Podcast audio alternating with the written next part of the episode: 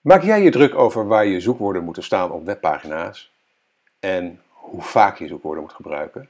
Met andere woorden, maak jij je druk over je on-page SEO? Nou, volgens Tim Sulo van het SEO-analyse softwarebedrijf Ahrefs is dat grotendeels zonde van je tijd. Ahrefs deed onlangs een analyse naar 2 miljoen zoekwoorden, waaruit zou blijken dat on-page SEO amper nog zin heeft. Nou, ik vroeg onze SEO-expert en gastblogger Romano Groenewoud om zijn mening over dit onderzoek. En zijn antwoord was zo goed doordacht dat ik hem vroeg er een blogpost over te schrijven. En deze blogpost ga ik je zo meteen voorlezen. Dus als jij SEO belangrijk vindt, blijf dan zeker luisteren naar, de, naar wat Romano te vertellen heeft. Maar nu wens ik je eerst een hele goede morgen, goede middag, goede avond of goede nacht. Want wanneer je ook luistert, ik vind het heel bijzonder dat je je kostbare tijd de komende minuten met mij wilt delen om te luisteren naar mijn podcast van deze week met de titel De evolutie van on-page SEO. Mijn naam is Erik van Hal, oprichter van CopyRobin, een dienst waarmee ik je altijd over een copywriter kunt beschikken voor een bescheiden vast bedrag per maand. En natuurlijk oprichter van MediaWeb, het internetbureau Noordwijk, dat is gespecialiseerd in responsive webdesign en e-commerce. dan gaan we nu naar de blogpost van Romano uh, Groenewoud van SEOgeek.nl, waarin hij reageert op de, het uh, zeer uitgebreide en zeer interessante artikel van, uh, van Tim Sulo, waarin hij dus eigenlijk ja, de, het nut van on-page SEO ter, ter discussie stelt. En we gaan nu over naar de woorden van Romano. En het begin heb ik net al een beetje gebruikt, dus neem me niet kwalijk dat ik er een beetje middenin val. Maar daar gaan we. Met algoritme-updates zoals Hummingbird en RankBrain is Google de laatste jaren een stuk slimmer geworden. Maar wat betekenen deze ontwikkelingen voor de huidige staat van on-page optimalisatie? Oftewel, het optimaliseren van je webpagina's voor specifieke zoekwoorden. Naar het laatst aanzien, best veel. In een recent artikel schreef SEO-kenner Tim Sulo aanvankelijk zelfs dat on-page SEO dood zou zijn. Een stevige stellingname waarmee ik het niet geheel eens ben. En die vraagt om een tegengeluid. Wat ik je alvast kan verklappen is dat bepaalde on-page SEO-praktijken anno 2016 inderdaad achterhaald zijn. Maar hoe zit het nou precies? Laat ik eerst aangeven waar ik het wel mee eens ben namelijk de volgende stelling. The majority of on-page SEO advice that can be seen around the web sorry, revolves around using the exact match keyword that you, can, that you want to rank for in a few strategic places of your page. Title, H1, meta description, content, etc. But this kind of advice is, is actually outdated because in 2016 Google is good enough with understanding synonyms and overall relevance of the page so that you no longer have to obsess about exact match keyword usage. Nou, deze stelling laat zien dat Google steeds beter wordt in het interpreteren van de zoekintentie van gebruikers en dat we vandaag de dag pagina's idealiter zouden optimaliseren voor topics en zoekintenties in plaats van exacte zoekwoorden. In aansluiting op dat citaat vind ik de volgende zaken ook zeker achterhaald zijn. En dat zijn ten eerste het forceren van het exacte zoekwoord. Waar je voor wilt ranken in on-page elementen, zoals title tag, alt tags en tussenkopjes. Artikelen optimaliseren volgens Joost Stoplicht. Eigenlijk, die, die methode. Ja, Karel Gene heeft hier een jaar geleden al kritiek op geuit. Het nastreven van groene bolletjes mag geen doel op zichzelf worden. Het volgende wat ik achterhaald vind is een aparte pagina aanmaken voor iedere mogelijke variatie van een zoekwoord dit zagen we vooral in de jaren 00. Er is immers maar beperkt vastgoed in on-page eh, SEO-elementen. Om die reden maakten webmasters pagina's aan die eigenlijk geen toegevoegde waarde hebben. Gericht op individuele zoekwoorden en niet op zoekintentie of topic. Neem nu het uh, guest blogging voorbeeld dat uh, wordt aangehaald in het artikel van Tim Sulo. Stel dat je een dienst aanbiedt die dit uit handen neemt. Zoekwoordenonderzoek leert je dat er voor guest posting service 1000 zoekvolume per maand is en voor guest blogging service 480 zoekopdrachten per maand. In de jaren 00 maakte men dan twee pagina's aan. guest blogging service en guest posting service en iedere pagina werd dan volledig geoptimaliseerd voor de betreffende term. Dit werkte destijds. Zo kon je makkelijk voor beide termen ranken. Maar tegenwoordig vergroot het alleen maar de kans op een panda penalty, link in de blogpost. Er is immers geen bestaansrecht voor een tweede pagina die exact dezelfde intentie van de zoeker vervult. Die pagina is louter voor de zoekmachines, niet voor de gebruiker dus een indicator van slechte gebruikerservaring en daarmee een signaal voor Panda. Derde ding wat ik, uh, wat ik zou noemen als achterhaald zijn zogenaamde typische echte SEO-artikelen. Op websites van tekstbureaus en marktplaatsen zie je dit nogal eens aangeboden. Dit zijn standaard massaproductieartikeltjes van rond de 300 tot 400 woorden die het doorgeven van een zoekwoord een paar keer laten vallen in de tekst. Deze content voelt droog en zieloos aan. Nou, dit is een moment voor mij, Erik weer, om even in te breken met een commerciële boodschap namens CopyRobin. Want ik wil je wel op je hart drukken dat CopyRobin niet zo'n tekstbureau is. CopyRobin willen we juist uh, unieke, uh, waardevolle, goede uh, en originele content voor je creëren. die absoluut niet droog en zieloos is. En ehm, daarom wil ik je vragen om, als je, in als je echt wil gaan bloggen, om eens een keertje gewoon naar CopyRobin te gaan en te kijken uh, met name als je het blog uiteraard wilt uitbesteden, om te kijken wat we voor je kunnen betekenen. En je vindt CopyRobin op copyrobin.nl en dat spel je C-O-P-Y-R-O-B-I-N.nl. En als je daar komt, dan zul je zien dat we een paar handige pakketten hebben voor verschillende prijzen, voor verschillende hoeveelheid volume uh, tekst wat je nodig hebt. En dan bedoel ik weer met volume niet uh, dat, dat je heel veel volume moet draaien, want daar ben ik ook helemaal tegen. Ik ben volledig eens met, met Romano. Maar daarbinnen kun je dus voor verschillende uh, lengtes kiezen, kortere artikelen, langere artikelen. Je zit niet ergens aan vast wat dat betreft. En uh, nou, ik raad je dan om daar, als je daar interesse in hebt om het uit te besteden, te gaan kijken en eens een keertje gewoon een proefopdracht in te dienen. Een gratis proefopdracht. Je loopt daarbij gewoon geen, geen enkel risico. Nou, dat was even de commerciële boodschap. Ik zal je daar verder niet meer mee lastigvallen. Maar uh, we gaan verder naar de blogpost van Romano. En dit zijn weer verder, vanaf hier weer verder, zijn eigen woorden. De opdracht is vaak uitbesteed aan derde wereldlanden zoals India en de Filipijnen. En het enige doel is om zo goedkoop mogelijk veel inhoud te produceren, maar zoveel mogelijk pagina's aan te kunnen maken om zoveel mogelijk zoekwoorden te kunnen targeten. Dit soort matige kwaliteit content, puur gemaakt om te schalen, heeft negatieve invloed op gebruikerssignalen. Bounce rate, gemiddelde tijd op de pagina wat een serieus risico van een panda penalty teweeg brengt. Goed, Google wordt er steeds slimmer en on-page SEO evolueert mee. Als voorbeeld. Guestblogging is guestposting is guestwriting. Google is nu onder andere door middel van het inzetten van kunstmatige intelligentie geavanceerd genoeg om synoniemen te begrijpen. Degene die zoekt op guestblogging is naar hetzelfde op zoek als de persoon die guest posting intypt in de Google zoekbalk. De pagina's die hoog ranken voor beide termen zijn alsnog on-page geoptimaliseerd voor de intentie, het topic en het concept van het pitchen van een stukje content bij een derde site. Dat is wat gastbloggen is. Zoekers die vrij algemene koptermen als guestblogging of guestposting als zoekopdracht invoeren zijn waarschijnlijk op zoek naar informatie over wat deze praktijk precies inhoudt best practices hoe je dit beste kunt aanpakken en cases om van te leren. Je wilt je pagina optimaliseren voor die intentie en niet voor het specifieke zoekwoord guestposting. Daarbij wil je on-page elementen benutten om aan Google te tonen dat deze content alles biedt wat de bezoeker wil weten over het concept. Vaak doe je dit al vanzelf, op natuurlijke wijze, door bijvoorbeeld een sectie te hebben in het artikel met tussenkopje. Tussenkopje als bekende succesvolle cases. Met zo'n tussenkopje target je niet specifiek het exacte zoekwoord guestblogging, maar wel de intentie van de zoeker, want die is immers op zoek naar succesvolle voorbeelden om meer te leren over het effectief gastbloggen. Nou, of er nu guestposting of guestblogging in de title tag staat, dat zou niet moeten uitmaken. Ook niet hoe de zoeker zijn vraag formuleert. En gelukkig is Google nu zover dat dit inderdaad niet meer strikt nodig is.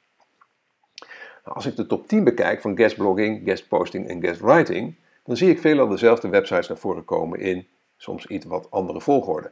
Maar alle hebben alsnog één van die drie termen in de title tag. Welke van de drie variaties men in de titel plaatst, is dus niet meer cruciaal. Maar het concept aan zich, het posten van stukjes op derde websites, hoe je het ook wilt noemen, moet wel naar voren komen in de title tag en liefst ook in andere onpage elementen. Hoe zit het nou precies met zoekwoorden en keywords? En wat betekent dit voor het gebruik hiervan met betrekking tot concurrenten? Hebben zij het zoekwoord letterlijk in de title tag? Zo nee, dan is dit een teken van zwakke competitie. Title tag lijkt nog steeds het meest belangrijke on-page element te zijn. Dat herhaal ik even voor je. Title tag lijkt nog steeds het meest belangrijke on-page element te zijn. Nou, indien concurrenten deze niet goed benutten en jij wel, heb je een voorsprong. Dat is nog steeds zo. Maar ik wil hierbij wel een toevoeging plaatsen. Men moet ook kijken naar variaties, synoniemen van het betreffende zoekwoord, die dezelfde intentie kennen. Terugkomend op het voorbeeld van guest posting.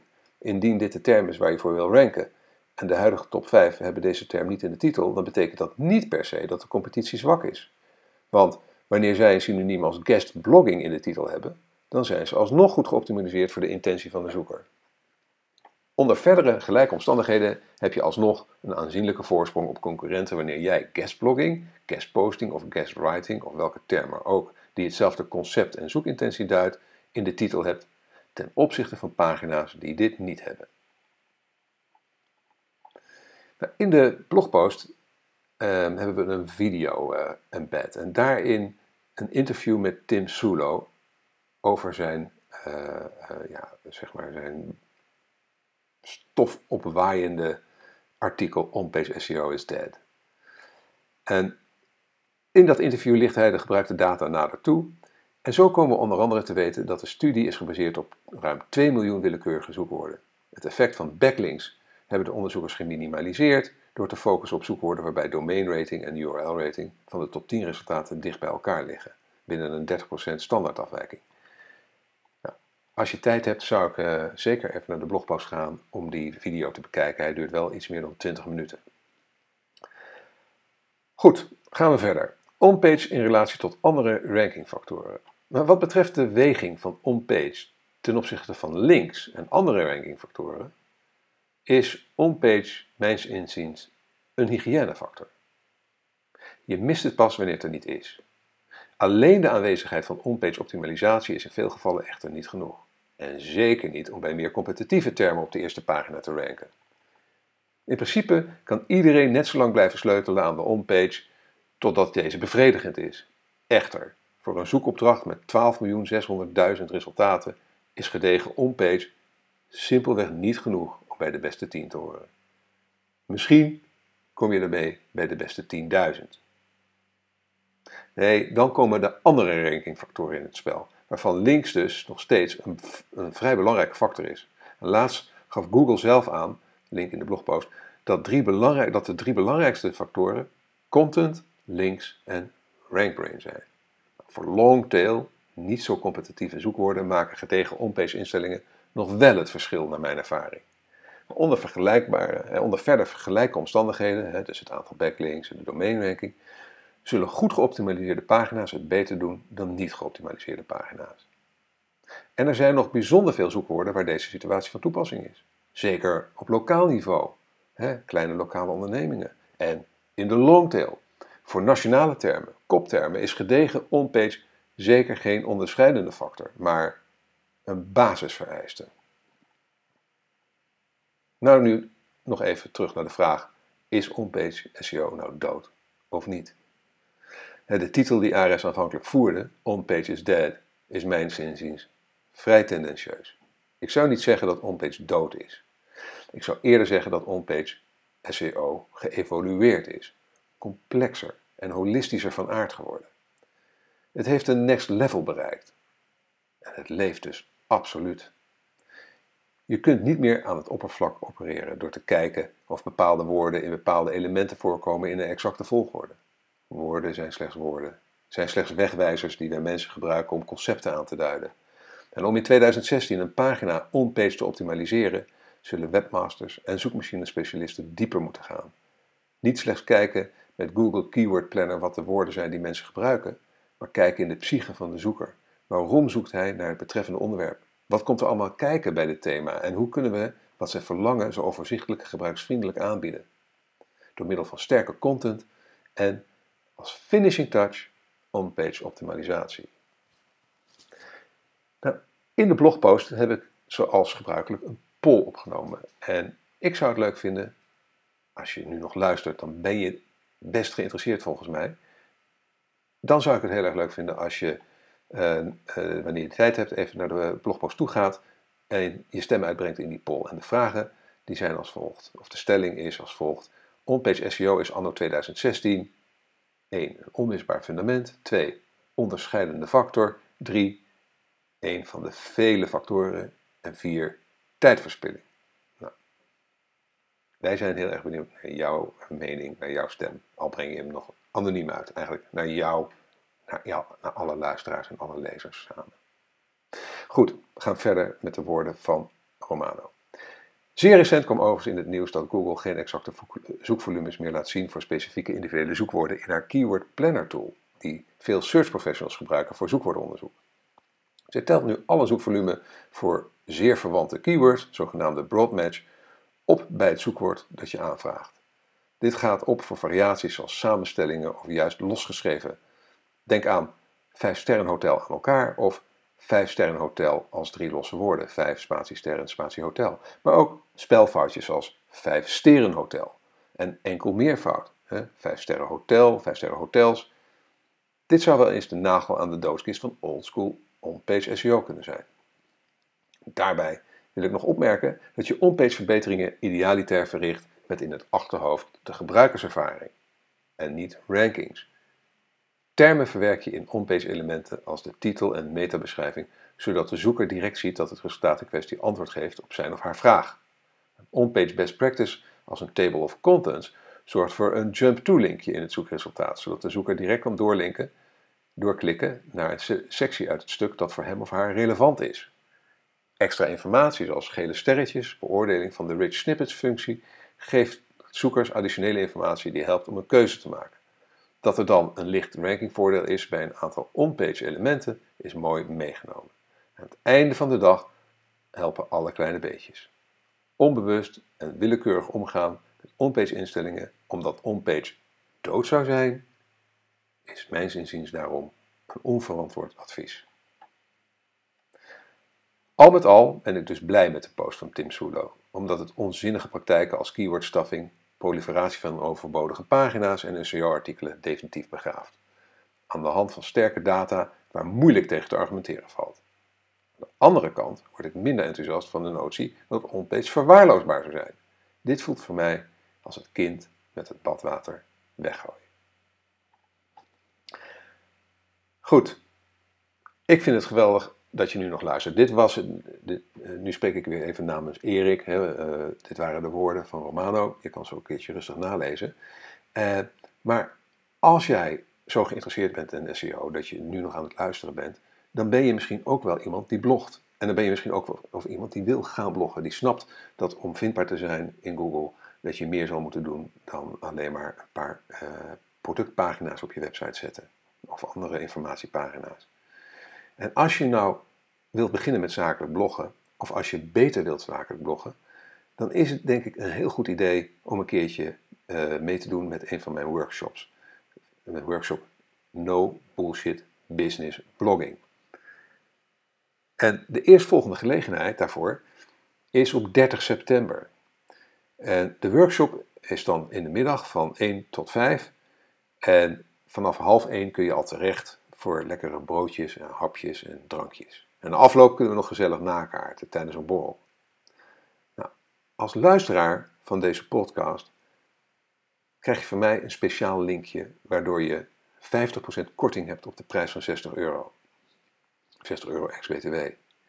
En dat speciale linkje ga ik je nu voorlezen. Als je in de gelegenheid bent om hem op te schrijven, uh, doe dat dan.